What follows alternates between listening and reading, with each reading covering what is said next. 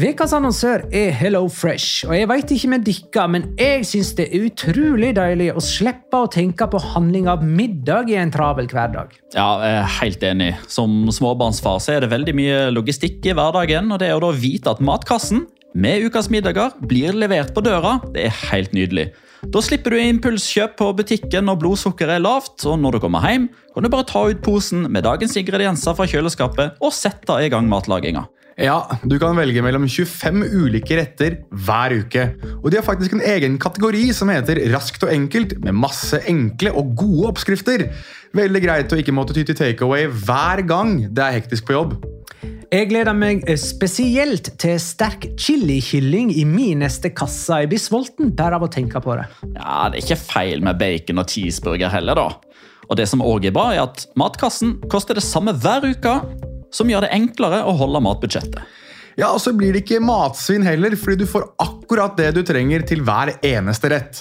Hello Fresh kan absolutt anbefales, og bruker du koden vår, LIGALOCA, kan du få opptil 1779 kroner i rabatt på de fem første matkastene hvis du ikke har prøvd Hello Fresh tidligere.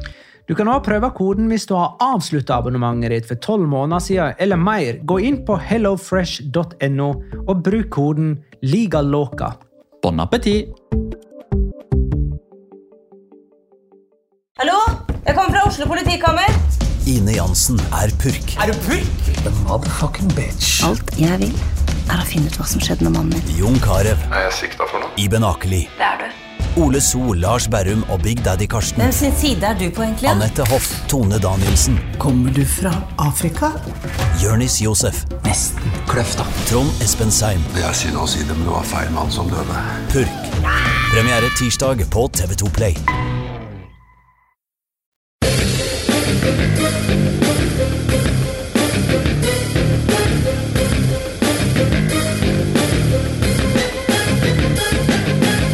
Har du sett? I dag skal La Liga Loca slå seg løs med påstanden om at den eneste løsningen på A pluss BI er lik CZ når A, B og C er positive heltall og X, Y og Z er positive heltall større enn 2, er de der A, B og C har en felles primtallsfaktor.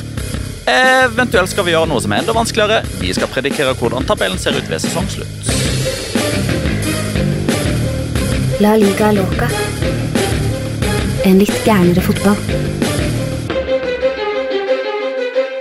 Ja, ja, ja, ja. La Liga Loca, ordinære episode 201. Jeg måtte heller si det på en annen måte, for det er jo Magna Kvalik som skal legge på av det ordinære slaget, men han er ikke her i dag. Så da er det meg, Jonas Giæver, Shalom, in the home, og deg, Petter Wæland. God dag. Står til? Ja. Føler at du er det junior som har begynt med holdt på å si Pythagoras og sånn, eller? Ja. Eh, tre fjerdedeler inn i første klasse nå, så da er det på tide å uppe gamet litt eh, i matten. Ja. Nei, jeg veit ikke hvem det var. Altså, jeg, jeg husker ikke når jeg starta med primtall og Pythagoras og Nei. de Altså, denne, denne såkalte påstanden, da, eh, det var det en amerikansk bankmann som en eller annen gang kom med. Han utløvde faktisk en dusør på en million dollar til den som klarte å bekrefte teorien hans. Mm. Veit ingen om klarte det. Um, det skal jeg heller ikke finne ut av til neste gang. Én million dollar må gjerne du, eh, kjære lytter, donere til Patreon vår. Det er patreon.com slash laligaloca. Der får du eh, ikke så veldig mye Pythagoras, men du får ganske mye annet spennende. Bantoleros, blant annet. Valencia som er ute nå. Du får skråblikk, du får Petter Wæland sine tippetips med jevne mellomrom. Du får Via Real sitt lag kommer denne uka her. På Bantolero? Eh, og så får- ja, kan jeg bare legge ved, da, bare sånn at man ikke liksom blir skremt. Det, det går an å donere litt mindre òg, altså, som f.eks. en halv million dollar. Ja da. Det går, det òg. Eventuelt så kan du jo da istedenfor altså 500 000, så 50 er nok for å få med seg mesteparten av dette her. Eh, 50 nok. 50 nok. Uh, I tillegg så har Petter veldig ofte Det er som regel du som har det, Petter. Disse La Charla-episodene. Disse småepisodene der man oppdaterer folket på det som skjer i La Liga uansett. Det var nok selvpromotering. Kanskje vi skal heller prøve å peile litt inn på det vi skal snakke om i dag. Vi kan jo begynne med et spørsmål fra Sivert uh, van Morik. Ehm, jeg regner jo med at dette baserer seg litt på landskampene også, men eh, hvem er den beste spanske spilleren per dags dato, og hvorfor er det Pedri? Pedri. Nei, det er jo fordi han er best, da. Ehm, og det er ikke mangel på alternativer der, vil jeg si. Eh, altså, klart sånn 2-1 mot Albania står seg jo ikke igjen som et sånn historisk godt resultat. eh, og det var heller ikke en det var heller ikke en kamp der Spania var oppe og nikka på makspotensialet sitt, men, eh, men jeg må si at jeg liker liksom det jeg ser. Um, og ja, Luis Henrique er kontrær, han er kontroversiell i enkelte uttalelser. Eh, Han har nok enda jeg håper jeg, villere meninger som han legger litt lokk på, for han skjønner at det blir for mye styr hvis han ytrer de. Han kommer med noen sånne eh, små eh, interessante valg, som f.eks. å hente inn B-keeperen til Barcelona, Arnau Tenas, eh, i stedet for eh, f.eks. en keeper som faktisk spiller litt fotball iblant. Eh, og dette irriterer jo bl.a. mange Real Madrid-supportere som mener at her er det en klar agenda om å ødelegge mest mulig for Real Madrid. Men når man holder seg til eh, å utelukkende vurdere det han har fått til med Spania, måten de ser ut på, om det fins en rød tråd der, hva slags type spiller han tar ut, og hvordan man leverer, så syns jeg, jeg synes ting begynner å se det er ikke Jeg vil ikke si at det er Argentina solid, eh, Brasil bra, eh, men det er, de begynner å nærme seg det stadiet der man kan ha de på hylle én når man skal begynne å spekulere i VM-favoritter på et tidspunkt. Det var noen som stilte spørsmål om det. Nå jeg om jeg finner uh, hvem det var som stilte spørsmål om hvem vi anser som VM-favoritter. Uh, jeg vet jo at du har jo en ganske klar favoritt. Jeg har jo en annen uh, Jeg tror vi er forskjellige. Ja, du har i hvert fall uh, ytret en til meg ved et par eh, anledninger, men jeg skal bare se om jeg finner det spørsmålet. hvem det var som stilte det. Uansett uh... Da er jeg litt spent på hvem du mener jeg har som eh, favoritt, for jeg er faktisk litt usikker sjøl. Kan hende du har eh, tolka mitt, uh, mine ord eh, på en litt ekstrem måte. ja, Beklager til Skal du inn på Argentina? Jeg skal inn på Argentina. Ja, jeg har sett at de ser fryktelig solide ut. Det har jeg sagt. Ja, nei, men ja, Det er de du har nevnt for meg. Beklager, jeg finner ikke vedkommende som Jo da, her er det. Fredrik eh, Thomassen. Hvem er de største kanonene som ståa er nå til å løfte VM-pokalen om noen måneder? Ja, nei, jeg tenker at det Er det ikke på tide at Italia Eh, nei, uh, jeg tenker jo at uh, for min egen del så er Frankrike. Jeg syns at sånn Greit, de er sånn som kommer til å halke seg til mesterskapet, og så kommer de til å være dritgode, og så blir Mbappé mesterskapets spiller og signerer for Real Madrid. As you do. Han har vel gjort det før. Du må ikke glemme at VM er i november i år.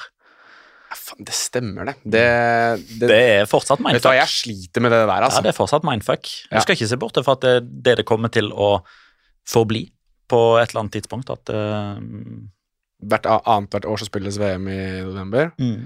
Hvis, og, som i, og i alle da Midtøsten-landene. Saudi-Arabia, Bahrain Ja, Qatar. de skal nok få hvert sitt mesterskap før det begynner å gå verden rundt. Hvert sitt mesterskap skal de få.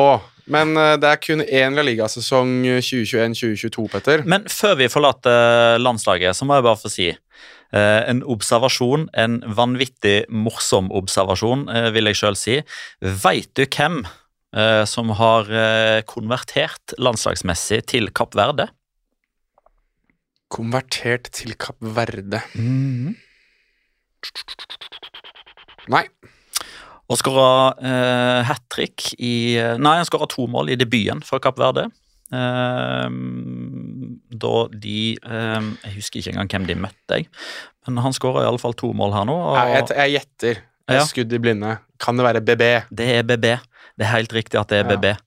Eh, han skåra to mål da Kapp Verde slo Lichtenstein Liechtenstein med 6-0. Liechtenstein. Ryseren Kapp Verde Liechtenstein, altså. Mm. Kom inn etter 63, goal etter 73 og 83, og starter i dag mot San Marino.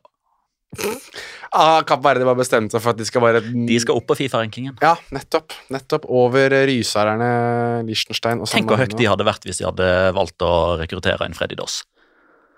Så det hadde vært Doss på rankingen. Ehm, det laget som er DOS i La Liga, Petter det, Ja. Vi kan jo faktisk starte med Sevilla. Mm. Vi um, Altså, jeg tror, jeg tror vi er veldig enige før vi begynner her. Vi er ganske enige om hvem som vinner ligaen. Skal vi ta det først? Bare sånn for å ha unnagjort det. Ja, og, og nå blir dere overraska, folkens. Hold dere fast. Altså, Etter 29 kamper spilt så ligger Real Madrid foran Sevilla med 9 poeng. Um, de har 20 seire, de har 6 uavgjort og 3 tap. Det er altså jeg, sitter, jeg forestiller meg at det skal være en litt sånn remontada av ganske uante bragder tidligere, som skal stoppe Real Madrid fra å vinne seriegullet her nå. Ja. Greit, de hadde en de hadde en blipp nå, og en stor en sådan. Uh, jeg snakker ikke om Stian i, uh, i El Clásico mot Barcelona, men, men de, de, jeg tror nok de får skuta på rett kjøl igjen etter det. Um, Ja, ja, så er det jo sånn at det, det, det er jo liksom heller ikke sånn at de trenger å få skuta på rett kjøl. Altså Real Madrid kan ha en dårlig sesongavslutning og fortsatt vinne La Liga. og Det er jo det som er aberet her, eh, eller argumentet for så vidt, at det forspranget de A har opparbeida seg, og B fått, primært av Barcelona, som nå ser klink ut som det nest beste laget, eh, om ikke det aller beste. Eh, skulle man faktisk ha tatt Julian Lopetegi på ordet og sagt at nå starter det en miniserie med ni kamper, så hadde Barcelona vært min favoritt til å ta flest poeng i løpet av de ni kampene, men de tar ikke nok poeng til at det er teoretisk mulig å havne foran Real Madrid. Nei, men du er inne på, på Julian Lopetegi og hans Sevilla, for de ligger jo som uh, nummer to ennå. Altså, De er jo ute av Europa League, det er kanskje det første å ta med her. De er jo ute av, av mm, turneringen som skal spilles på deres hjemmebane. eh, Eller finalen på deres hjemmebane. Eh, På de siste ni kampene så har de syv uavgjort. Det er ganske sensasjonelt, altså. Sy altså. De taper jo tydeligvis ikke så veldig mye, men de vinner jo ingenting heller. Det eneste som er mer sensasjonelt, er at de har flere spillere ute med skade enn uavgjort i løpet av de ni kampene der, i snitt. Ja, ja, i snitt, ja. Det, ja, i, snitt- jo, men i snitt gjør jo at det er enda sykere. Ja, ja, for så vidt. Fordi eh, og, og det vil jo liksom Det vil ingen ende ta. Um, det er jo en, um, en um, Sevilla-mann, han er veldig kjent i, i traktene der nede, som har en konto som heter Infosevillista eller Sevilla Nomoros eller noe sånt. Jeg, jeg blander litt av de kontoene der.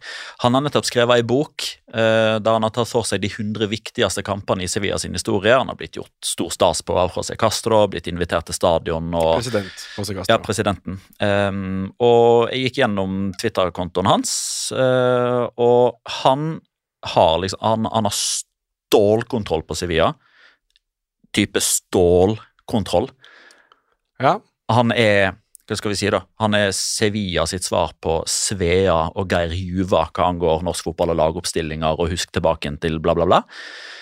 Og han skrev i det øyeblikket da Yassin Bono røyk under oppvarminga i den siste kampen nå før, eh, før landskampene begynte, at dette er uten sidestykke det sjukeste han har vært med på som Sevilla-supporter med tanke på antall skader.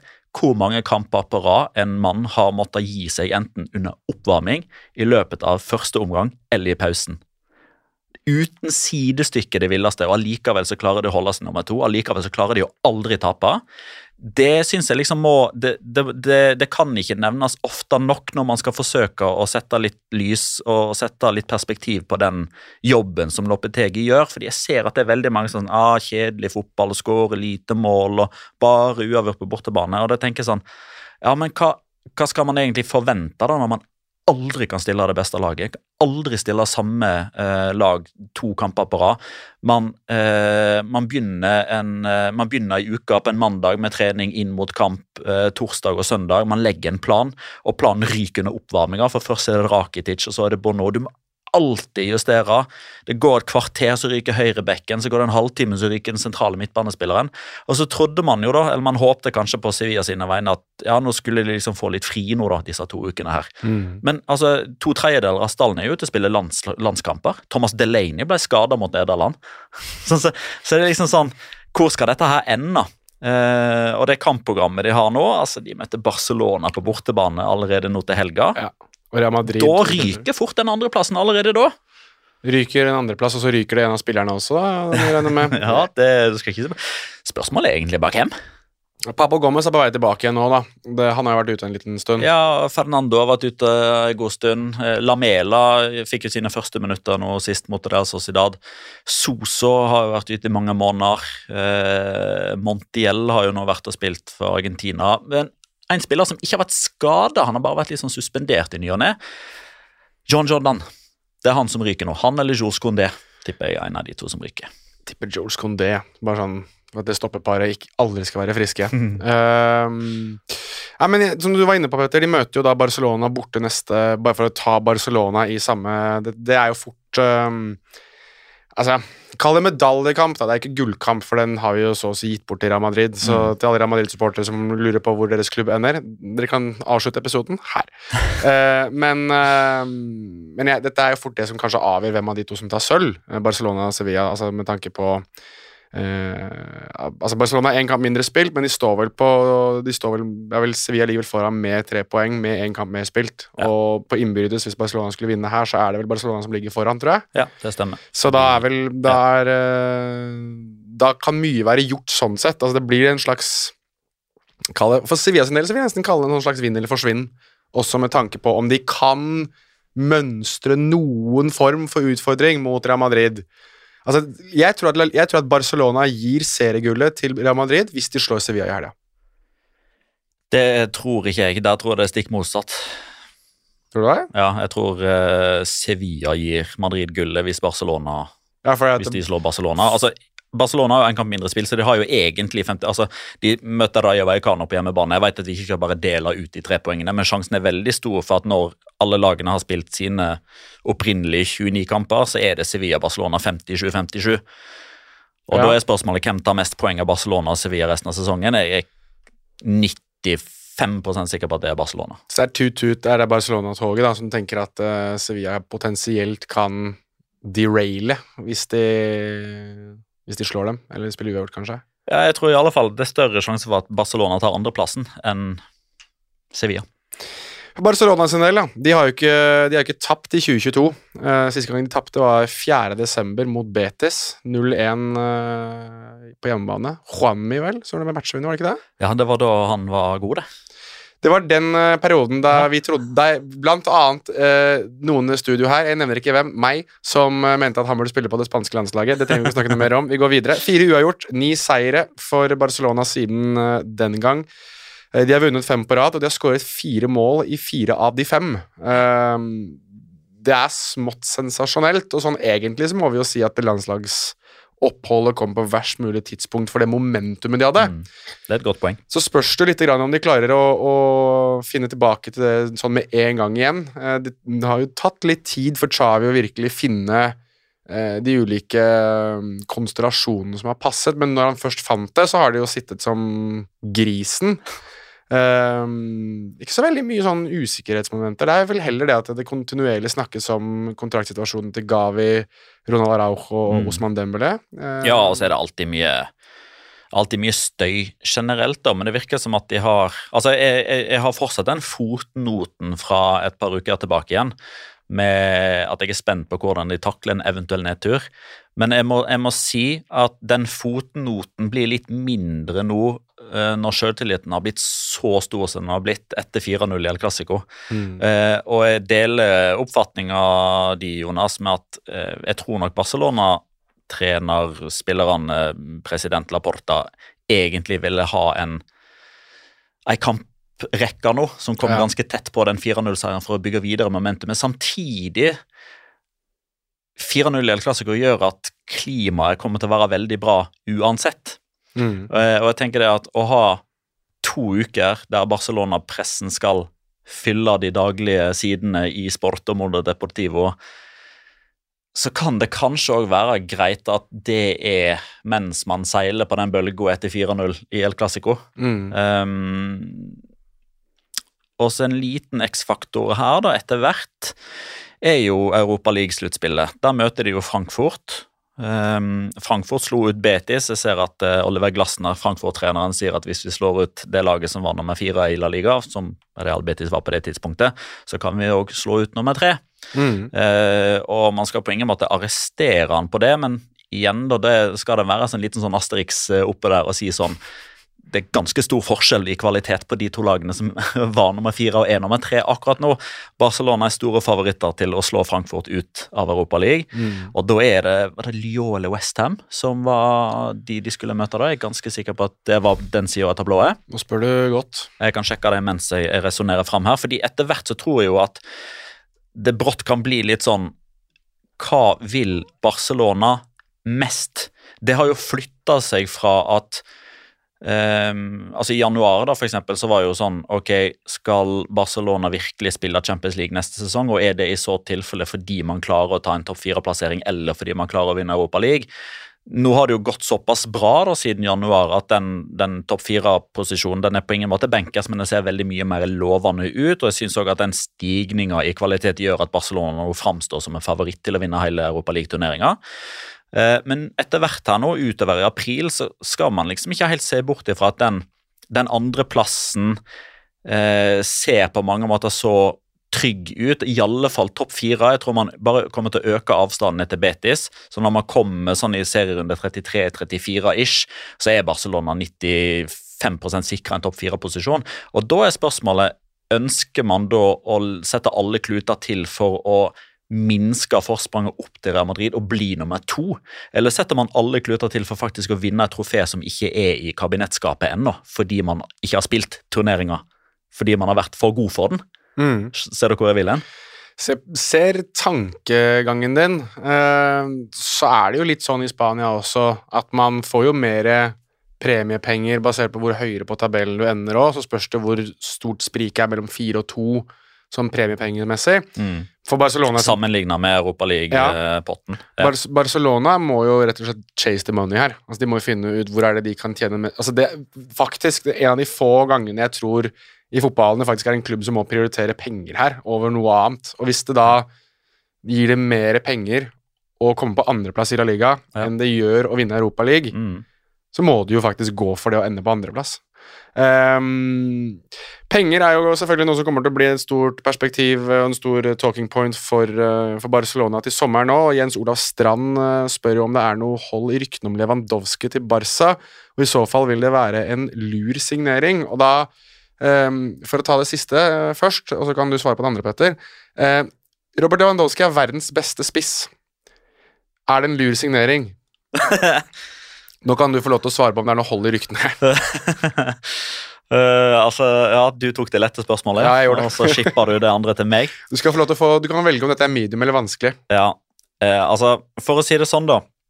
Uh, jeg ser hovedsaken til sport i snakkende stund er liksom Asi estala bolsa del nueve en el Barça. Kan oversettes på mange forskjellige vis. Store overskrifter her er liksom sånn her er Nia-situasjonen i Barcelona. Ja. og da snakker man om Haaland, Salah og Lewandowski. Uh, Men hvilke penger da? Min, min, første tanke her er jo Dæven, sport befinner seg fortsatt i 2015.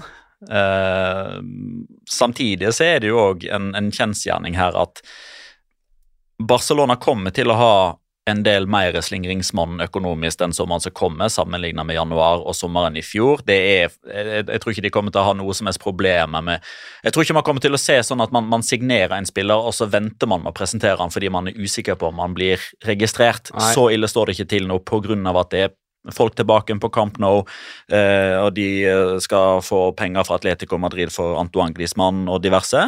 Og nye kontrakter som har eh, blitt forlenga. Altså man kan skyve det over flere kontraktsår og om til tid som har gått ned i lønn, bla, bla, bla. Coutinho som kan bli solgt. Coutinho som kan bli solgt, ikke minst. Dembélé, som kan Dembélé sine penger kan jo bare brukes på andre, eh, og det er jo en ganske stor sum. Men samtidig så er det litt sånn, ok, Haaland. Minst 75 millioner euro bare i overgangssum. Så hvem er det du skal deale med sånn ellers, da? Nei, det er jo Raiola. Eh, det er jo selvfølgelig en, eh, ei verdensstjerne her som skal ha betalt det han har vært i lønn, osv., osv. Mohammed Salah under kontrakt med Liverpool. Hva i alle dager er det som tilsier at Liverpool skal eh, være behjelpelig med Barcelona på samme måte som Manchester City var? Ref. Ferran Torres. Salah er på ett år igjen. Altså, han er Ja, det er 2023, men er fortsatt, ja, ja. han er fortsatt under kontrakt. Ja, ja, ja. Jeg bare påpeker at hvis, hvis det er sånn, da, in the unlikely event, mm. at Mohammed Salah tenker at han vil vekk fra Liverpool og vil til Spania, ja. så vil jo Liverpool, hvis de skal sitte noe igjen for Salah, må jo selge han nå den sommeren som kommer. Ja. Det er jo på en måte det argumentet om enn veldig svakt, ja, ja. så er det argumentet. Definitivt. Eh, og så er situasjonen den samme da med Lewandowski. Kontrakt til 2023, men pga. alderen så er jo hans markedsverdi betraktelig lavere fordi eh, han er vel tre år eldre. Ganske sikker på at Lewandowski er 33 og Mo Salah er 30. Mohammed Salah er samme årgang som meg. Det er en 92-årgang. Ja, 30. Ja, Enten har blitt eller fyller 30 ja, år. fyller. Jeg er ikke blitt 30 nå, må du slutte. Skal vi se, Levan... Alternativet er verre, skal jeg si deg. Ja, eh, Lewandowski er født i 88, så han er fire år eldre. Ja, så han, bli, altså han blir 34, ikke sant? Mm. Så da, da har du en markant eh, For å ta det økonomiske perspektivet i tillegg her, da, så vil det jo være fortsatt en viss mulighet for Barcelona til å kunne enten få litt tilbake igjen for, eller faktisk tjene litt penger på Mo Salah. Mm. Uh, mens det for Lewandowski det, det, altså hans nest, altså La oss si at Lewandowski skal signere enten en ny kontrakt med Bayern München eller bli klar for Barcelona, så tror jeg det er den nest siste kontrakten hans. Jeg tror Lewandowski, eh, og eh, i likhet med ganske mange andre fotballspillere, tenker litt på sin økonomiske framtid på lang sikt, eh, og kanskje tar USA, Qatar, Kina etc. Mm. som den aller siste. Uh, og Det som er interessant i den artikkelen til Sport, er jo at de har prosentsatt disse tre. Altså sjansen for at altså Hvis det blir noen av de, 100% så har man uh, dosert prosenten. da 30% på Haaland, 10% på Lewandowski, 60% på Mo Salah. Det betyr ikke kjære lytter, at det er 60 sjanse for at Mo Salah havner i Barcelona, så eh, eh, host opp igjen kaffen du eventuelt satt i halsen. Det de mener er at i et, in the unlikely event at én av disse tre havner i Barcelona, så er det 60 sjanse for at det er Salah av de tre. Liker at du endte, endte på prosent, som eh, det hørtes veldig portugisisk ut. Ehm, skal vi bare styre innom Atletico Madrid også veldig kjapt? Altså Bare for å ha tatt de med. De er jo her oppe, de òg. De ja, det er jo, eh, et, det er jo formlaget i La Liga, det, sammen med Barcelona. Ja, men ta, for å ta det første først. Altså De har fem strake seire i La Liga. De har holdt nullen i tre av fem kamper. Ligner jo litt grann eh, på seg selv. Skal ut mot Manchester City i Champions League, og da er jo igjen spørsmålet hva prioriteres? Altså De ligger litt grann etter resten. De kommer ikke til å vinne ligaen.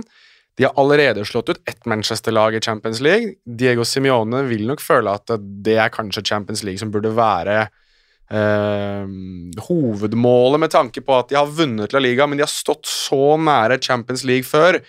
Og jeg må jo være såpass ærlig å si at jeg lar meg påvirke av at jeg har fått sett Diego Simione-dokumentarserien nå, på seks episoder på Amazon Prime. Fantastisk dokumentarserie. Ja, Så du vil òg anbefale den? Ja, på, i aller høyeste grad. Og så vil jeg jo, og da må jeg legge ved to ting her òg, da, som kommer fram i den dokumentaren som gjør at jeg er litt sånn betenkt nå ved hva Atletico Madrid gjør. Uh, nummer én er jo at eh, altså Simione vil vinne Champions League. Det er veldig åpenbart. Mm. At det er liksom, dette, dette plager han at han ikke har klart det ennå. Ja. Han er en vinner, og at liksom og, og, og han spiller det her i hodet sitt flere ganger. Det samme gjør jo proff Ortega, og som er jo en helt fantastisk mann. Men det andre, og det som jeg tenker eh, kanskje betyr enda mer for Simione, er jo det at hans far, Carlos Simione, gikk jo bort nå nylig i helga som var. Det som kommer veldig tydelig fram i den dokumentarserien, er at Simione er altså Jeg har aldri sett en person som er mer tilknyttet familien sin enn det han er. Altså det, det, det familielivet til Diego Simione er alfa og omega, og, og faren hans ehm, har hatt en ekstremt viktig rolle også i voksen alder, og har fremdeles hatt det. Um, og hans ønske var jo egentlig å se sønnen trene Argentina. Nå sier jeg jo ikke at altså, Lionel Scalone har gjort en fantastisk jobb med Argentina, så han kommer jo ikke til å ta den jobben fra han før VM, men jeg, kan, jeg, jeg sitter med en feeling på at hvis ikke han vinner Champions League nå, så kan det være at han velger at for min far så skal jeg ta Argentina når jeg får muligheten til å gjøre det. Og da ryker jo da selvfølgelig den muligheten. Hvis ikke da Argentina går hen og vinner VM, for da blir det selvfølgelig Jeg tror ikke de sparker Scaloni hvis han vinner VM. Nei, men Tror du de sparker han hvis det i hermetegn bare blir semifinale? Ja. Tror du det? Ja. Nei, det tror jeg ikke. Hvis Simione rekker opp hånda og sier at 'nå har jeg lyst til å ta jobben', ja. Ja, det kan hende. Hvis det, hvis det, på, eller hvis det er premisset, Ja. så er jeg enig. Litt sånn som eh, Pellegrini. liksom, ja, du satt Var vel den Real Madrid-treneren som hadde tatt flest poeng enn noen andre i løpet av en sesong. Og så var det ja, men det, Mourinho. Mourinho har blitt ledig, så lykke, lykke til i Malaga, da. Ja, ikke sant? Ja. Ikke forholdsvis bra, det, da.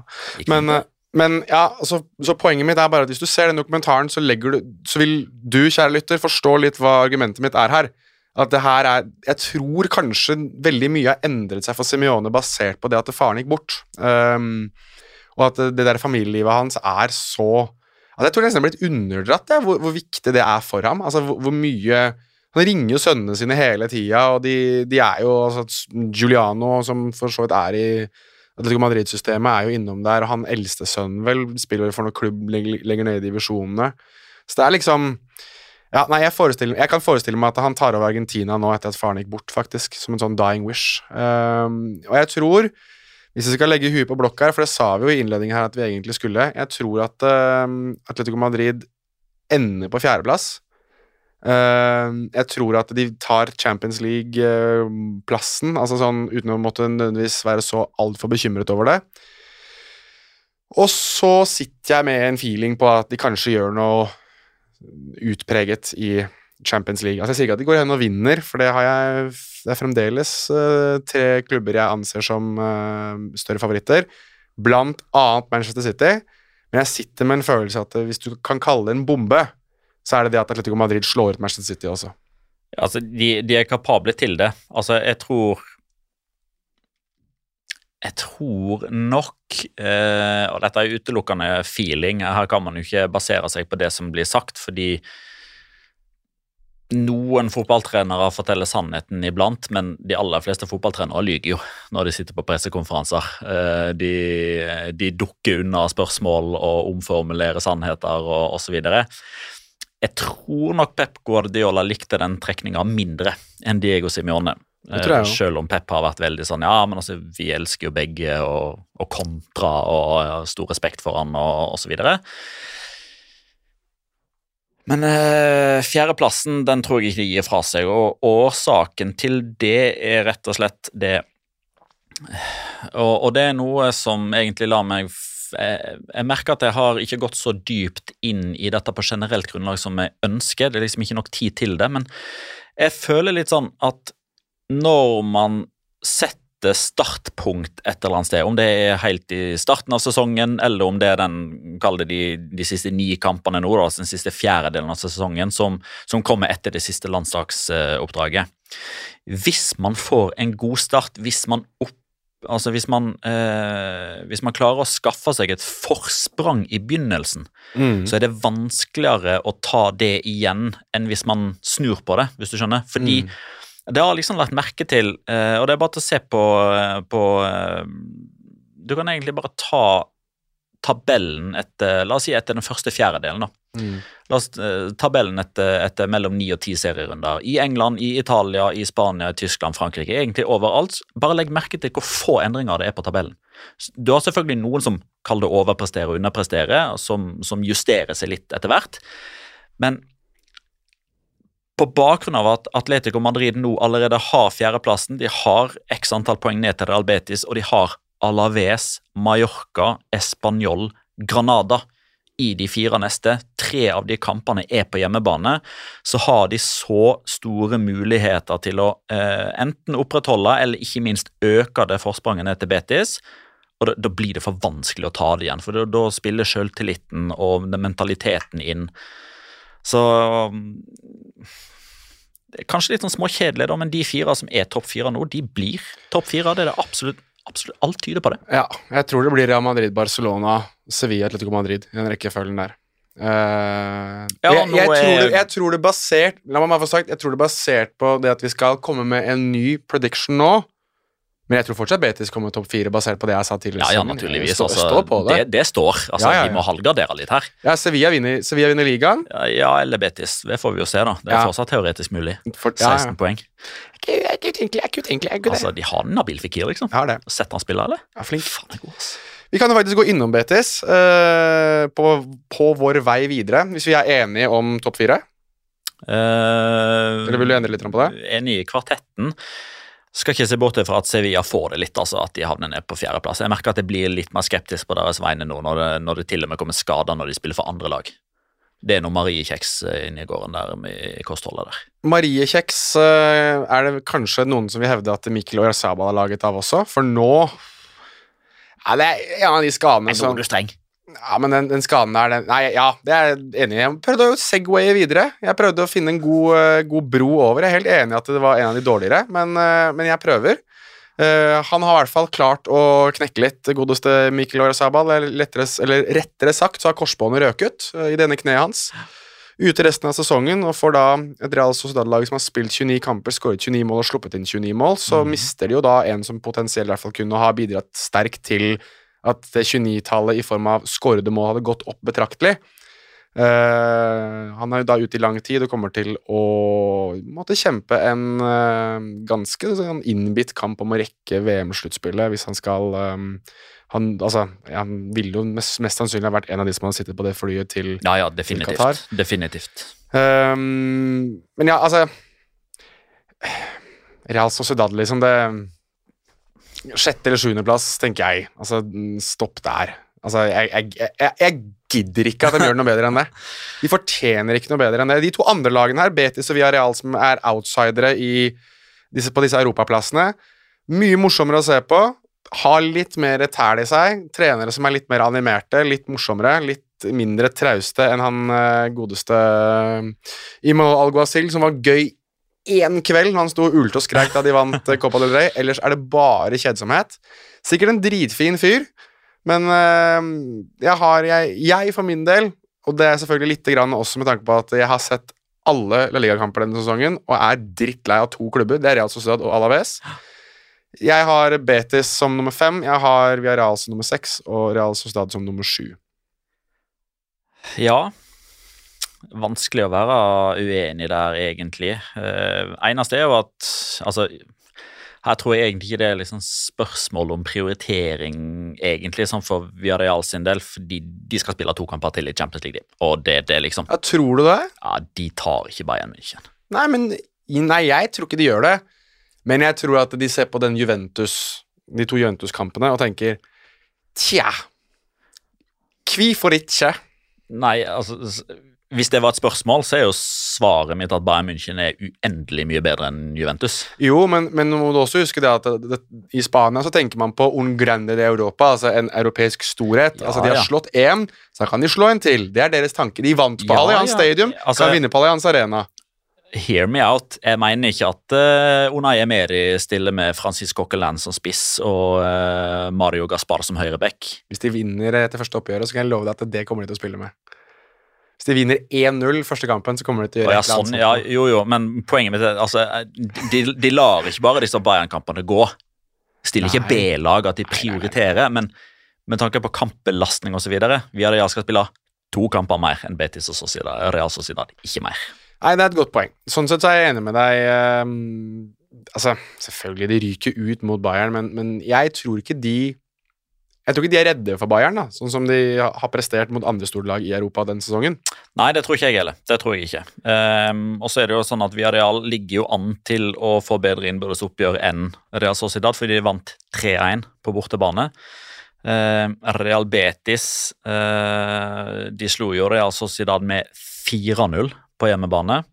Så uh, in the ikke unlikely, men maybe likely event of uh, average points, um, at de havner på samme poengsum, så vil jo faktisk Real Sociedad tape innbyrdes mot både Betis og Villarreal. Så den syvendeplassen kan jeg uh, underbygge. Kan også bare ta med det at uh, Real Betis har jo da én kamp til nå uten Nabil Fikir. Han er jo suspendert eh, i neste oppgjør også, som jeg ikke husker i farta hvem, hvem det er de møter. Men, Real eh, Betis og Sassona hjemme. Ja, men der møter jo Arrasate, så der skal jo det bli 1-1 eller et eller annet sånt noe. Det er jo hans det, De er jo en av de klubbene de har plassert i ingenmannsland, og Sasona, og det er jo akkurat der de har lyst til å være. Ja, men la meg Altså, jeg bare, bare sånn for å ta en veldig sånn grov oppdeling her, da. Ja. Så har du jo Atletic Klubb på 41, og så har du Elche på 32. Har du, er det der alt innimellom der i ingenmannsland, eller har du tatt deg kunstneriske friheter? Nei, jeg har tatt meg kunstneriske friheter, ja. Det er, Ja, det er bra, fordi det er et lag der som overhodet ikke skal uh, Altså, hvis de tror de er ingenmannsland, lykke til! Ja, Skal du inn på Rayo Vallecano, eller? Ja, nei, men vi, vi kan godt uh, Altså, vi, vi kan styre innom et par av disse klubbene etter hvert, for det er et par av de som ikke er Ja, men jeg, jeg tenker vi tar bunnstriden først. Ja, det er det jeg skulle, det jeg skulle si. Ja. Vi starter bunnstriden, og da vil jeg bare starte med å si uh, Levante, takk for dere. Det var jo veldig hyggelig. Jorge de Frotos ute med skaden nå også. Ja. Resten av sesongen. Det var det. Takk for i år, Ja. og takk for denne gang. Ja. Vi ses kanskje i hva blir det for noe, 20, hva blir det, 2023-2024-sesongen? Ikke sant? Kanskje. Ja, og bare sånn for å underbygge da, De har Villarreal, Barcelona, et Granada med ny trener, som selvfølgelig får effekten der. Sevilla og byderby mot eh, Valencia. De neste kampene så skal de spille 0-0 mot Real Sociedad. Så er de bortekamp mot eh, Real Madrid. Men så kan man jo håpe, da, kjære Jonas Giæver, at i den nest siste serierunden så tar de og åpner hendene, og inn i favnen så løper Alaves, Ja så klemmer de hverandre og hopper utfor stupet. Det er det, altså det derre Må få sagt det. altså Nå er jeg på 201 episoder, og vi har liksom en del sånne slogans som har gått igjen, men den der klemmen utfor et stup, den har Det er en sånn sleeper-greie som har vært med så å si hele veien. Tradisjonen tro, si. Tradisjon tro. Tradisjon tro. Da kan vi jo ta med oss også, uh, i dette stupet som du var inne på, uh, Alaves.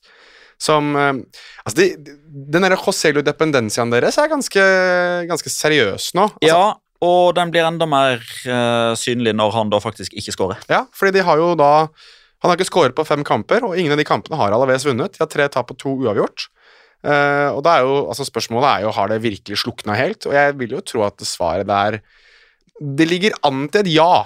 Um, og Det har litt å gjøre med at José Luis Mendelibar er ikke en trener jeg liksom tenker at kommer til å live opp disse gutta de siste kampene her. Siste, blir fra ni kampene.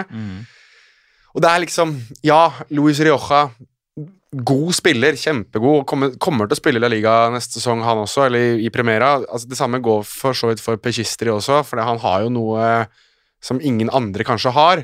Um, ellers så er det liksom Victor Laguardia, da. De kom, altså, han kan godt stange inn en dødball, han. Det er helt greit, det, men, men det, det holder ikke. Nei. Nei, det, det er mange grå mus der. Det er det. det, det Klubben er grå! Det er så tamt. Og nå har de fem poeng opp til Cádiz, og det kommer til å være minst fem poeng opp til Cádiz etter den første runden nå. For da spiller de borte mot Atletico Madrid, hvis jeg ikke husker helt feil. Og det gjør jeg ikke, for jeg sitter og ser på terminlista akkurat nå. Um, og igjen, da. Det, det er litt samme argumentasjonsrekka her som, som tidligere. Eh, Kall det hakk i plata, men det er liksom en, eh, en type tankegang som går igjen hele tida her, da. Altså, ja, det kan godt hende at Alaves får et lite liksom at, de våkner litt og tar flere poeng enn Retafe, Granada, Cádiz og Mallorca. Mm. Men de tar ikke nok poeng sammenligna med alle fire. Nei. Så når de da står med 22 etter 29, hva er det da som tilsier at det poengsnittet plutselig skal øke? Absolutt ingenting, fordi Levante har bytta trener, hjalp ingenting. De bytta trener igjen, hjalp ingenting. Ja. Alaves har bytta trener, hjalp ingenting. Kadis har bytta trener, hjalp bitte litt. Bitte litt. Og det kan være nok. Granada har bytta trener, hjalp ikke i, første kampen, men de vant i kamp to. Mm. Retafe bytta trener, hjalp veldig masse. Elche bytta trener, hjalp veldig masse. Mallorca Har bytta trener. har bytta trener nå. Og, og han som har kommet inn der, Han som har kommet inn der, Jonas altså Javier Aguirre Excelente trabajo, hijos de puta! Altså, han, han altså, entrenador más chingón. Det er ja, ja, altså, det, det, altså For en type. For en herlig type. Det blir noen, eh, det blir noen storytell der, for å si det sånn. Det gjør det. Ikke sponsa. Det var bare første som uh, falt meg inn. Ja. Eh, men eh, Som var, som, la oss nå bare ta Javier Aguirre veldig, veldig fort, da. En trener som slo seg opp i Osasona, og som på en måte er fortsatt en, en helt for Osasona-folket. Ok espanjol. Ræva, egentlig, i Atletico Madrid, syns i hvert fall jeg. Uh, og i Leganes så husker jeg at jeg var ekstremt negativ da han kom, fordi spillestilen hans som jeg hadde husket fra tidligere, var veldig negativ, og det var den jo for så vidt òg i Leganes. Problemet, eller problemet i hermetegn, var jo det at det var effektivt. Altså, de, de jobbet seg jo oppover på tabellen. De var jo akterutseilt og så å si ferdigspilt.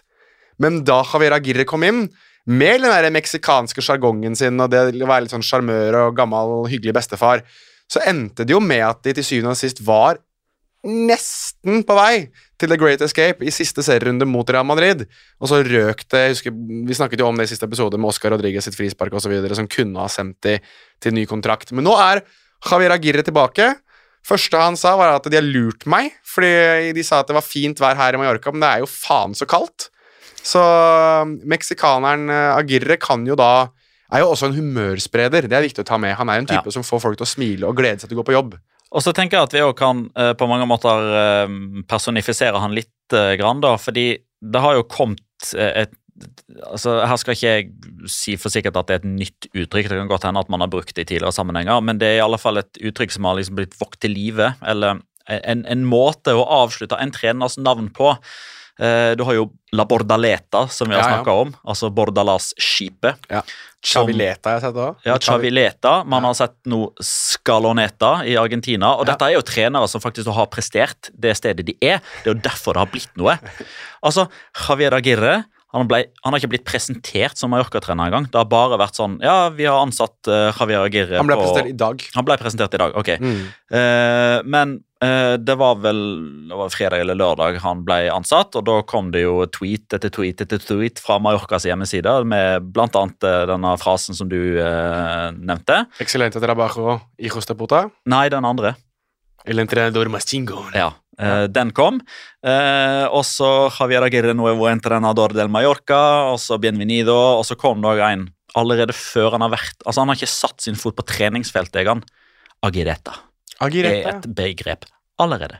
Jeg må ta det fort av de som lurer på hva betyr egentlig El entrenador más chingón. Altså, uh, chingón er et veldig meksikansk begrep. Det er sånn supermeksikansk. Hvis noe er chingón eller mass chingon så er det liksom Det er dritfett, på en måte.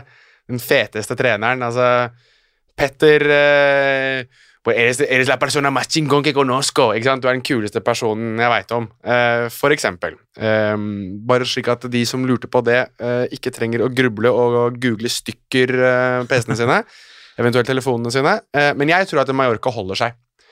Jeg tror at dette her dette, Hvis du ser det laget deres, da De spillerne de har, summen av de spillerne de har, det er det er litt rart å si, for jeg hater egentlig det begrepet, eller den måten å si det på, men de er for gode til å rykke ned, en del av disse gutta her. Det er for mange gode spillere, tror jeg.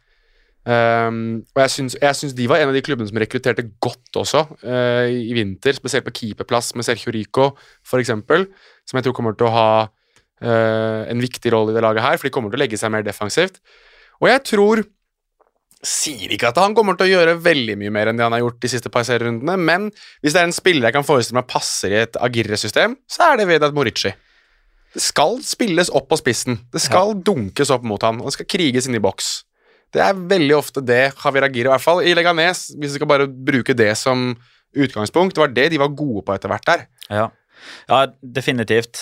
Men det er liksom bare sånn De har seks strake tap. Ja.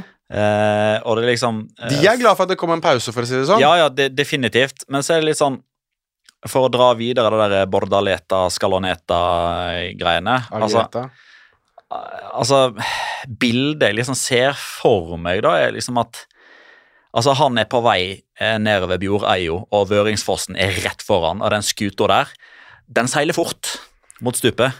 Så hvis han klarer å snu den Ja.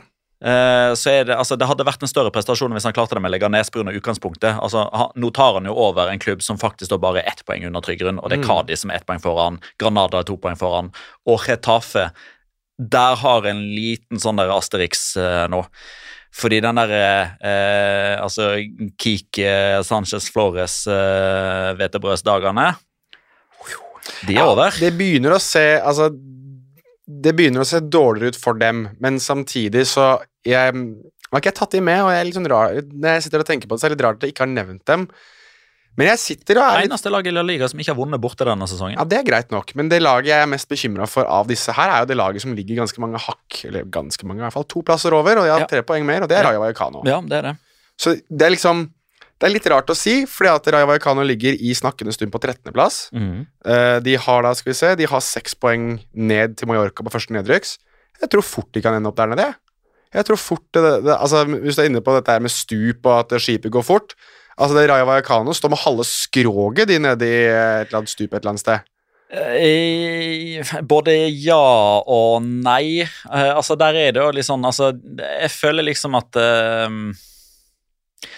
Det kan godt hende at de liksom er på vei mot Niagara Falls, men de er, men de er langt oppi der. Altså, de har liksom Ja, de har de har, de har eh, et lengre stryk de skal ned da, før det faktisk tipper. Ja, de, altså, det er jeg enig med der, at de hadde noe jævlig til, til vind i seilene i starten. Men det har stoppa opp, og de har ikke hatt noe motor, og alle, på å si, alle årene de har hatt, har knukket på veien. Altså, den båten går én vei, og det er direkte bakover, liksom. Det er eh, Vi er inne på dette båtgreiene. Jeg må slutte med det. Altså. Nå begynner jeg blir bli litt sånn småsvimmel. Jeg, blir ofte båtsjuk, så jeg, hvis du ikke skal ha meg til å spy i studio, så må vi slutte å snakke om båter. Ja, men altså, Rayo Vallecano er et godt stykke opp i Lake Ontario, da, for å si det sånn, sammenligna med, med Mallorca, som er rett foran Vøringsfossen. Men det jeg kan si, er at alle sammen som er på den skuta der, alle styrmenn og det som er, de, har li, de er like båtsjuke som det jeg er. Og alle sammen er i ferd med å spy.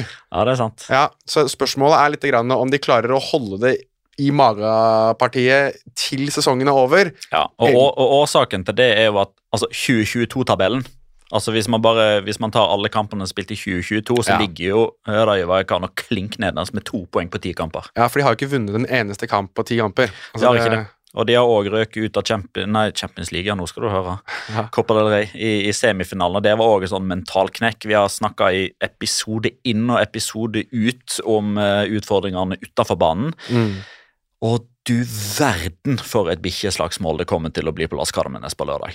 Granada Rayo Vallecano. Ja. Den, kjære lytter, den bør du se, og du bør sette så mye som du har råd til å tape, på at det skal bli over x antall kort. Spørs hva bookmakeren tilbyr. Nettopp. Med mindre det er Alberola Roja som dømmer. Da trenger du ikke se kampen engang. Jeg minner igjen om eh, La Liga Loca på Patreon, og Der kan eh, det Petter mest sannsynlig legge ut et godt tips eh, til den kampen her. Alt ettersom, Godt og godt, fru Blom. alt ettersom hvem som dømmer, kan vi nå si. Hvis det er Alberola Rojas, så kommer det ikke noe tippetips. Nei, da kommer det ingenting. eh, Nei. Hvis, Nei. Det, hvis det ikke er Petter, så kan det være at du burde mm, koste på deg en, en femtilapp og potensielt tjene en del mer, hvis du har lyst. Uansett. Um, Cádiz og, og Granada, som du var inne på, Petter, de hadde jo seire begge to siste serierunde. Igjen går jo da, gikk jo da inn i landslagsoppholdet med litt grann positivitet. Litt eh, feeling av at de, eh, de er i ferd med å kanskje prestere litt, litt bedre. Altså, jeg vil jo, Granada har jo ennå ikke ansatt en ny permanenttrener Det blir nok eh, Ruben Torretia, skal du se. på fulltidskontrakt. eller ut sesongen? Ja, ja, nei, altså type utesesongen. Ja, Ja, Ja. nettopp. Og så ser man hva som er tilgjengelig etter det, kanskje. Ja, Men da vil han jo per definisjon ikke være en såkalt interim-variant. Hører du det? Det er Albert Salade som gråter på Sitter og griner. Jeg skulle- skulle til- ja, nå tenkte jeg, ja, nå kommer det noe Robert Moreno-greier her. Nei, nei, nei, det, nei, han, han hører Altså, jeg hører han kontinuerlig grine, jeg. Så Ja. det, og, og det er derfor jeg har det så godt om dagen. For jeg, da han, når han har det ille, har jeg det bra. Nei da, det høres forferdelig sagt, men jeg, jeg må være ærlig og si at Robert Moreno er må være det jævligste jeg noen gang har opplevd uh, hva angår trener og sutring. Uh, og, og vi har opplevd mye de årene vi har dekket La Liga. Jeg tror ingenting slår ham. Han er sutrepappa.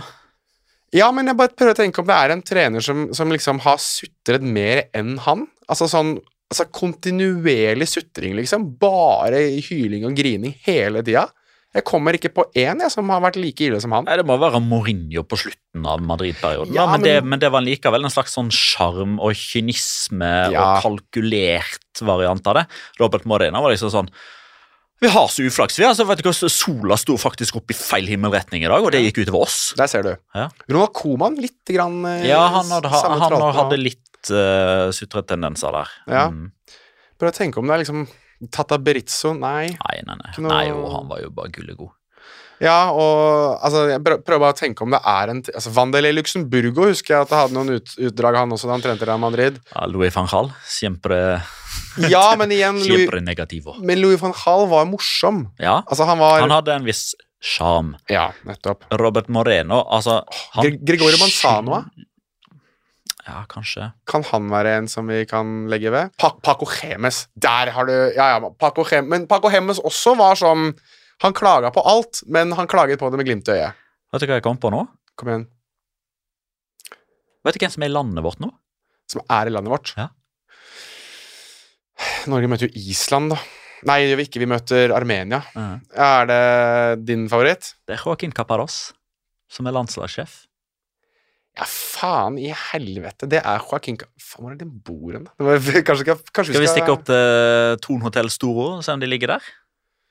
Joaquin Capar Jeg trodde du skulle nevne Harajan, jeg. Men uh... Ja, nei, nei, nå skal jeg faktisk inn og se om eh, det armenske nasjonslaget har tvitra noe i sosiale medier som kanskje kan gi oss en hint om hvor det er. Så stikker vi opp etterpå. Ja, nei, men uh, mens du gjør det, så kan jeg jo da eh, Jeg vil bare altså, um, kvittere ut både Español og Elche. Fordi er, jeg er enig i at uh, kanskje Elche er litt sånn Enten så er de kjempegode, eller så er de De er et lag som er mer uheldig. Uh, men jeg synes at det er sånn on the offset så synes jeg at de har truffet helt fantastisk bra med treneransettelse. Jeg synes at Peremia, Tete Morente, uh, Lucas Boye, ikke minst, som nå spilte for Argentina eh, Veldig rart for øvrig at Elche har en argentinsk landslagsspiller eh, som faktisk spiller. Eh, men de kommer til å være med neste sesong, så gratulerer til uh, vår venn Eirik Koren med det. Uh, Español Der kan det jo være at det begynner å storme litt grann, nå som Raúl Tomàs er ute, i hvert fall til neste kamp. Og så kan det være spørs hvor ille den skaden hans er. Uh, andre lag som ligger det, i det jeg kaller ingenmannsland, Valencia på niendeplass. De har jo for så vidt hatt en ganske god rekke, selv om alle kampene deres har vært uh, piss dårlig. De kommer til å ende på sin sedvanlige tolvteplass, selvfølgelig. Uh, Atletic Klubb, som ligger over dem, kommer til å ende på tiende. Uh, og det fordrer jo at noen noe må klatre, og det tror jeg blir Celta Vigo. Radisson Blue, eh, Nydalen. Nydalen, ja. Der er de. Og det, den siste posten til det armenske fotballforbundet akkurat nå, det er fire bilder fra da de ankom Gardermoen. Den første man ser på bildet, Varazataroyan. Der har du det. Er det noen bilder av Joaquin Caparros? Nei, han, eh, jeg tror han brukte egen inngang. Joaquin Cabaros, altså. For en mann. Um, fikk du med noe av det jeg sa for øvrig, mens du Eller var du såpass dedikert til, til googlingen? Var du inne på noen middelhavsfarere som eh, ikke har noe særlig å spille for? Ja, jeg sa at det, altså Elche kan vi Ja, Elche, ja, Lucas Boye snakker du om, Ja. som fikk debuten sin eh, nå. Mm. for Argentina. Vi kan gratulere de med Jeg mener at det, Ja, Eirik Koren ble nevnt, ja. Ja. Alltid bra når han blir nevnt. Eirik Koren burde nevnes oftere, med tanke på hvor godt laget hans eh, spiller denne sesongen her. Jeg syns denne synes syns El Altså, Elche er Jeg har sagt det før. De er litt sånn sleeper-lag. De spiller god fotball. Har som regel noen helt sinnssyke varianter hva angår lagskåringer og godt angrepsspill. Og så har de blitt sånn merkverdig gode defensivt i visse kamper. Så det er eh, Jeg tror at Elche er en sånn lag som fort kan begynne å etablere seg litt i La Liga hvis Christian Bragarnik fortsetter å streamline disse spillerne sine fra Argentina til, til Elche, til den lille konklaven sin han har i Alicante. Eh, de nevnte jeg, og så nevnte jeg Spanjol. Sånn Raúl Ja. Tomàs ute. Kan falle litt ned, men kommer til å spille, spille i, eh, i La Liga også neste sesong. Det laget som for øvrig var vel de som coina det å være for gode til å rykke ned. Det gjorde jo de med um, Rofete og alle- Fete Rufete. Fete Rufete. Ja. Men, men eh, vi var også inne på, Petter, før du eh, gikk på Joaquin Caparros-jakt på Twitter. Uh, Atletic Club og Valencia de ligger på åttendeplass og niendeplass, men de skal jo ned begge to. De skal jo ha Valencia på tolvteplass, Mm. og vi skal ha Atletic på tiendeplass. Ja. Da er det vel Celta Vigo som er det laget som klatrer, er det ikke det? For de ligger på ellevteplass. Ja, da skal, ja de, de må jo opp. Jeg hadde vel de satte vel de på en sånn, sånn små crazy sjetteplass, jeg eh, gjorde ikke det? Ved sesongstarten der. Det er la, hvert sesong, hver sesong så har du dem der oppe. Vet du hva plass de havna på forrige sesong? Åttendeplass. Hvor hadde jeg de? Åttendeplass. Ja, nei, jeg, jeg var like uenig da som jeg er nå. Ja. Men, men Magnar har også Vi har real på nedrykksplass hver eneste sesong, så Jo da, men eh, ja, en viss eh, sjargong må vi jo beholde. Um, Celta Vigo, ja. kan vi, ta, kan vi ta én ting på Celta Vigo nå, for jeg vet at det, dette her kommer til å gjøre vondt uansett hvordan vi At rettssaken til Santimina starta i dag. Santiminas rettssak er i gang nå. Mm. Der har vel aktoratet bedt om åtte år. Ni og et halvt. Er det ni og et halvt det er blitt nå? Det var åtte. Uh, og det er jo for De som måtte lure på hva det er for, det er vel for grovt seksuelt overgrep. Vel, hvis ikke jeg husker helt feil. Ja. det er ikke, Jeg bommer ikke da. Nei, det er vel klassifisert under den kategorien, ja. Det er han og en annen person som fra han, tiden han var i Almer... Nei, hvilken tid var det, hvor var det han var hen da? Dette her ble Dette ble nevnt uh, ganske mye på spansk radio nylig. Uh, at Santimina skulle ha rettssaken sin oppe. Han, var, han må ha vært i Valencia da da dette her har pågått. Eh, Uansett, vi trenger ikke å snakke så mye om det hvis det gjør folk ukomfortable, men, eh, men det er verdt å legge ved at det kan være en sak som kommer til å prege Celta Vigo sin innspurt. Eh, kan jo være at det preger Santimina sin prestasjon. Han har jo hatt eh, sine kamper denne sesongen, åpenbart. Eh, men skal jeg være helt ærlig, og si at jeg driter ganske greit i det hvis han eh, Hvis han blir funnet skyldig. Vi må jo da eh, Sånn som Ja, ja, ja, Celta har jo. Celta har jo valgt å bruke han eh, fordi han da er eh, siktet, og nå er han jo tiltalt òg, da. Eh, Ja, altså, de kommer til å bruke han eh, til han blir dømt. ja. ja, nei, altså, det er jo Eventuelt. no- Eventuelt, fri, eventuelt frifunnet. Det er også mulig. Eh. Men, eh, men det er bare verdt å ta med at det er, en, det er noe som kommer til å rulle og gå eh, fra og med denne uka her. Og, Ja, og, og det er faktisk interessant, fordi Marca sin Celta-journalist, Rafa Valero, han har jo skrevet på Twitter i dag Det er for så vidt bare en, en bisetning, da, men han, han mener jo at uh, Celta går nå inn i ei uke der de får besøk av Real Madrid. Det blir storkamp på, på Balaidos, og Chacho Codet har allerede liksom bestemt seg for elveren. Og i den elveren så er ikke San- Santimina. Det er ikke fordi han eh, blir straffa på noen måte, men han kommer til å være i retten store deler av uka. Altså Han får jo ikke trent ordentlig fordi han må møte opp når retten skal settes. De tar ikke hensyn til om Santimina skal på butikken eller trene eller male taket, liksom. Så um, Tiago Gallardo starter visst den kampen da. Det gir mening, sånn sett, det, altså. Ja, det gjør det. det gjør det. Og så har han jo Uansett om han er skyldig eller ikke, så vil jo ikke hodet hans være på riktig plass denne uka her. Nei. Og det mm, For så vidt. eh, enten han er eh, skyldig eller ikke, så er det i hvert fall på sin plass at han setter seg inn i det at han kan potensielt dømmes for noe ganske grusomt. Ja. Eh, jeg tror det er andre lag vi trenger å nevne. Også Sona ligger på tiendeplass. De skal vil ende rundt der. Altså Jakob Arasate Ja, altså Atletic tar jo tiendeplassen, så de skal jo opp eller ned. sier ellevteplass, da, eventuelt. Ja, og Valencia tolv. 12. Ja, Det står på det. Ja. Ja. Skal vi prøve å Altså, vi har sendt ned Levante og Alaves. Ja. Jeg våger meg på å sende ned Granada sammen med dem. Jeg tar sats og sier Rayo, jeg, dessverre. Oi. Så du tror altså at Rayo Vallecano, som i snakkende stund, kjære lytter De har seks poeng ned. Ja, de ligger Ja. på 13.-plass. Men det er litt sånn, altså, de har Granada Altså, det kan godt hende at det De tipset går i dass allerede nå. De er like lang vei ned som det, som det Elche har, og vi var bare alle sammen enige om at ja, Elche det er Ja, men det er av altså, de, de ser så mye mer solide ut, de er på riktig plass. Det er ikke Rayo Vallecano. Men det kan godt altså, Dette tipset her kan se latterlig ut allerede om ei uke. Fordi Ja, ja. hvis Rayo Vallecano slår Granada, safe. Ja, du får ikke Bortimot fordi det er sekspoengskamp, og det har de òg om tre uker mot Alaves.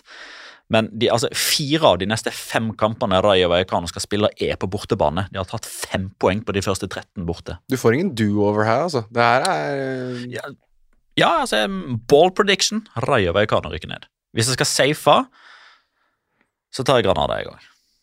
Ja, så du helgarderer deg litt, altså. Ja, ja, det er greit, det. Jeg noterer, noterer meg den frekke lille helgarderingen på slutten der.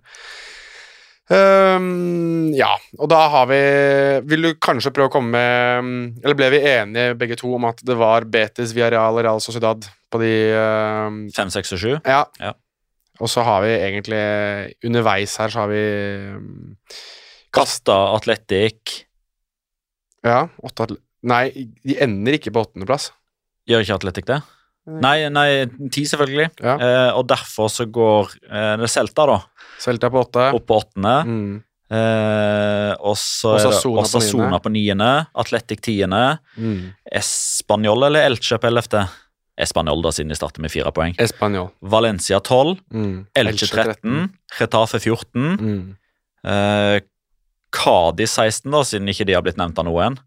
Hvem vant på 15 da? Fe- eh, Retafe. Ja, ok. Ja, ok. Cádiz 16. Hva var det du sa? Nei, vent litt nå. For eh, Valencia, Valencia 12. Ja.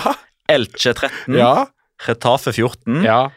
Eh, Cádiz 15. Ok. Eh, Mallorca 16. Ja. Granada eller Rayo Vallecano 17-18. For si Rayo Vallecano 17, da, og Granada 18, siden du hadde Granada, og jeg Ja. har halvgardert det litt med de. ja.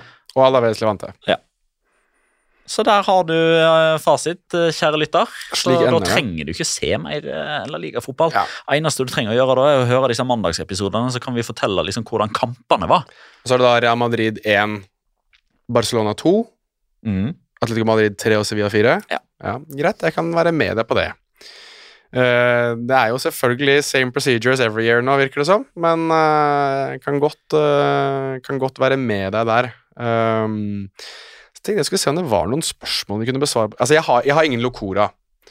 Og tippe, tippe ja, Nå har vi ikke fått med oss Magna på det, så tippinga utgår for denne runden her, dessverre. Det er helt greit, for jeg, det ligger ikke på sisteplass. Uh, med mindre du har lyst til å sende Magnar veldig kjapt uh, spørsmål om hva han har lyst til å tippe på. Ja, men vi kan jo bare tippe i en uh, tweet. Det kan vi.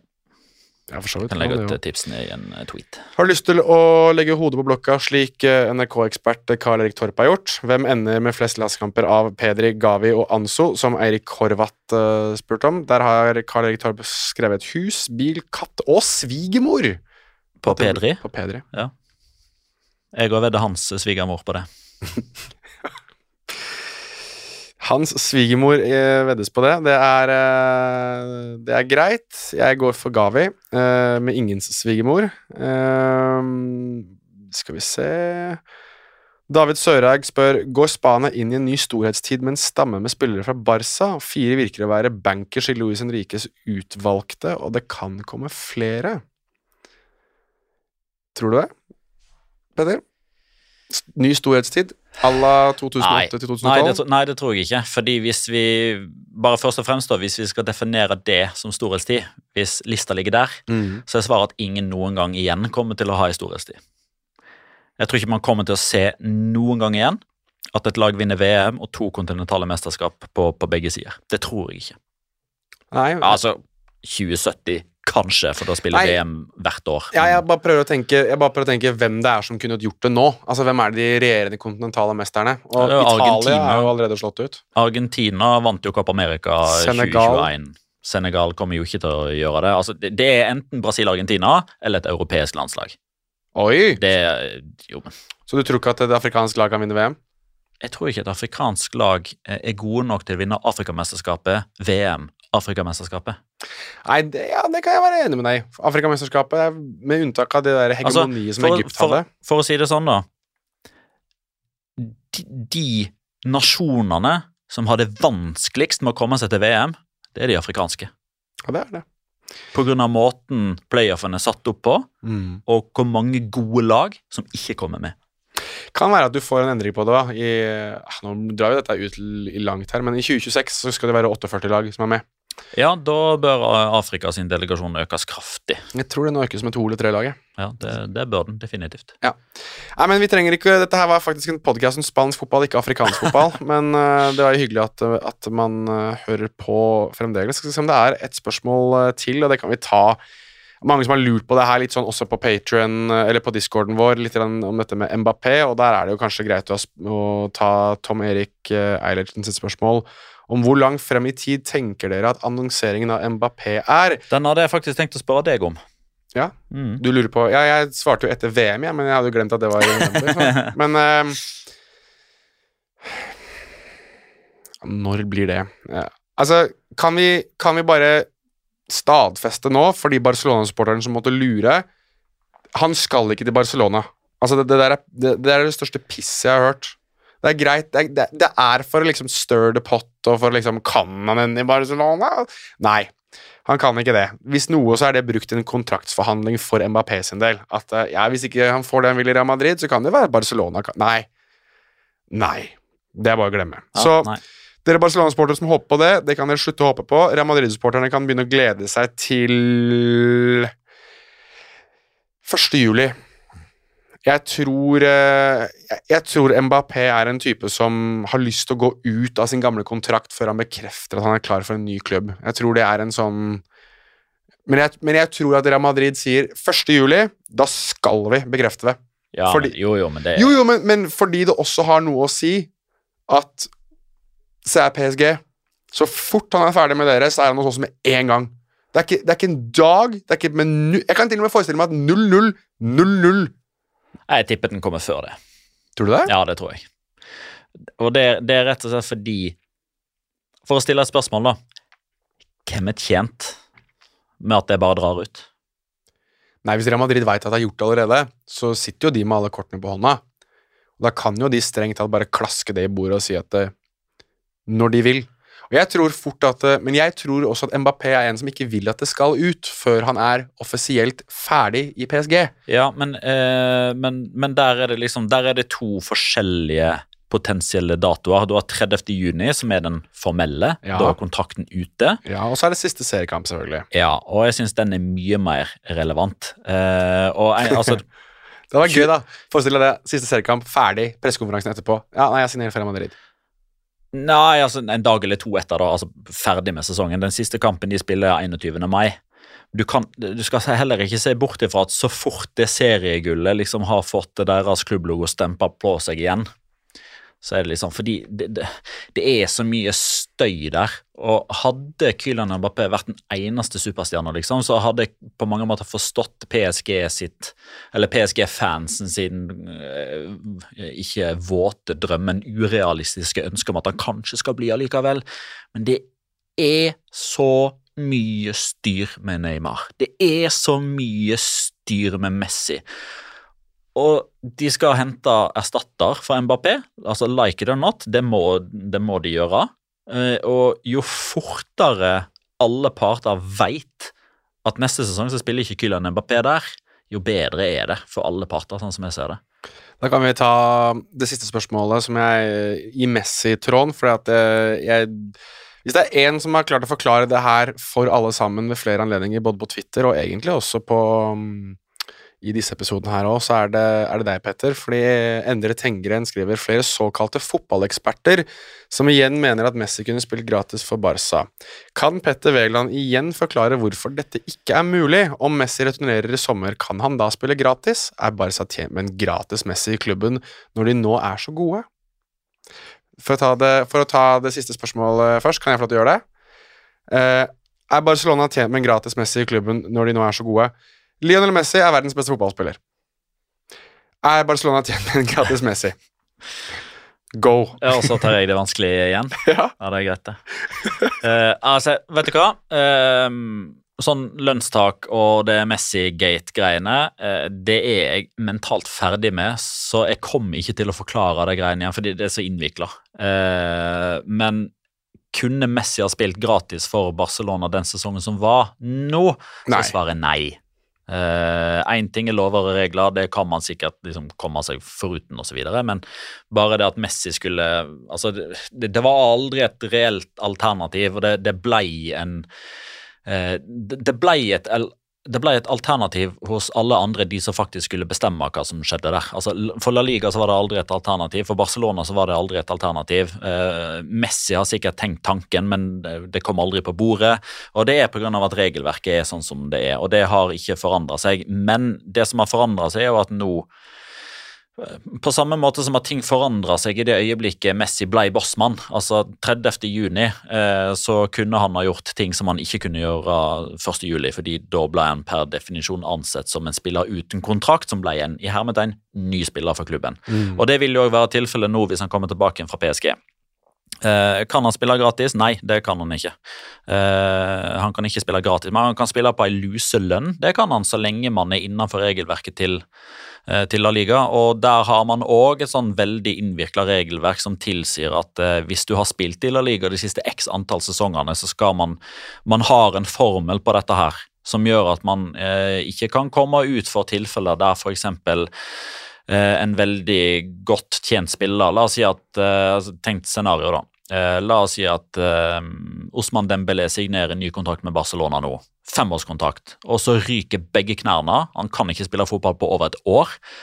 Da er det regelverket satt sammen sånn at da, da kan man ikke være Hva skal jeg si eh, Da kan man ikke være så kreative at man bare bestemmer seg for å terminere kontrakten eller låne han ut til, en, eh, til Inter Miami eller noe sånt da, for at han skal ha rekonvaliseringsperioden sin i USA, og så slipper man å betale lønn, eh, for, dermed, for deretter å signere en ny avtale året etterpå. da er ikke det sånn at da kan eh, han gå ned 80% i lønn. Det har man ikke lov til, basert på gjennomsnittslønna hans. Eh, ja, det er ekstremt komplisert, og det er vanskelig å forklare eh, muntlig. Um, det legger sikkert uh, lytterne merke til, men for å svare veldig kort på spørsmålet, da. Kan man spille gratis i La Liga? Svaret er nei. Petter, jeg er mentalt ferdig med dette, men nå skal dere få en tre minutters utredning om dette. Som ikke var en utredning allikevel. Nei, som, ikke, som heller var et, uh, et tankeprosjekt som endte i at dette her Men- gidder jeg ikke mer. Ja, ja faktisk. Men hva var navnet på han som Som kom med spørsmålet? Endre Tengren. Endre Tengren. Eh, kjære Endre, vær så snill. Eh, jeg bare la merke til en ting der eh, i måten han formulerte seg på, med såkalte fotballeksperter i, eh, i hermetegn. Mm. Et bitte lite hjertesukk. Dette er ikke noe personlig, for jeg ser at det er veldig mange andre som bruker det òg, og det er det som irriterer meg litt. For la meg bare si det sånn at begrepet fotballekspert er på ingen måte en beskytta tittel, men ingen av de som blir titulert som fotballekspert på norske TV-kanaler, har bedt om å bli titulert som fotballekspert. Fotballekspert er et ekstremt utvanna begrep. Altså, jeg ser eksempel ikke på meg sjøl som en fotballekspert. Jeg Du er- synser, du. Synser. La Liga-ekspert eh, kunne man ha titulert meg som, og jeg ba om å bli titulert som det da jeg jobba med spansk fotball for Seymour, Kanal Pluss, Viasat, Viaplay. Eh, ellers er jeg fotballkommentator. Eh, man kan godt bruke meg i studio for å snakke om, om fotball, men i mine øyne så blir det feil begrep. Kan vi fotballidiot. Fordi fotballekspert har egentlig bare blitt et sånt begrep som man klistrer på folk som snakker om fotball på TV. Mm. Eh, og da syns jeg det er mye bedre Altså, hvis jeg hadde vært en sjef i en TV-kanal, så hadde jeg heller brukt andre begreper enn fotballekspert. For nå, i, i disse tider her, da, så, så er man liksom Man kan være ekspert på alt. USA-ekspert, krigsekspert, eh, virusekspert, koronaekspert. Altså, så lenge man kan noe om et felt, så blir man automatisk ekspert. Og det er jeg litt uenig i. Eh, kall man Altså, eh, kall eh, en tidligere fotballtrener for tidligere fotballtrener. Kall en nerd for fotballnerd, i positiv forstand. Kall en som kan mye om den og den ligaen for den og den ligaen-ekspert, eh, i så fall. Litt hjertesukk der. Petter Wæland, ekspert på fotballeksperter der, altså. Den var faktisk litt fin. Den var, eh, den var så Altså, jeg har noen innimellom. Eh, de er veldig sjelden, så vi får nyse mens vi kan. Og, og jeg tror derfor så er det ikke så veldig mye mer å si, hvis ikke du har noe du oppsummerer med, Petter? Nei, vi må jo, eh, vi må jo komme til en eh, Altså, vi fortalte jo starten på landslagskarrieren til BB, som jo starta med to mål mot Liechtenstein og tillit fra start mot San Marino i dag. Pågår det nå ennå, eller? Den kampen er snart ferdig, men BB er ferdig. Han ble bytta ut. Skåra ikke mål. Nei. Det gjorde derimot Kenny Santos og Pappa Lele, Pappa Lele. min nye favorittspiller. Pappa Lele. Pappa Lele. Ja, men eh, jeg lurer på nå- Det jeg tenker nå, hvordan skal jeg titulere dette? Nå kommer jeg bare til å tenke på Pappa Lele, men det mm, Den er grei. Jeg eh, Tror du favoritt eh, Nei, nei. Nei, jeg gidder ikke. Kom igjen. Av, nei, avslutt. Kom igjen.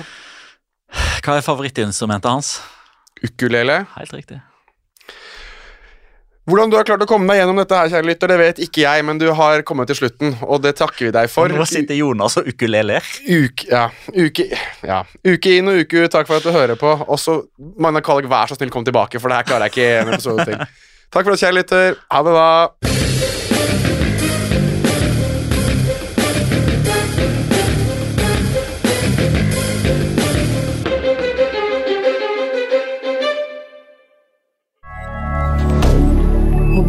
Media.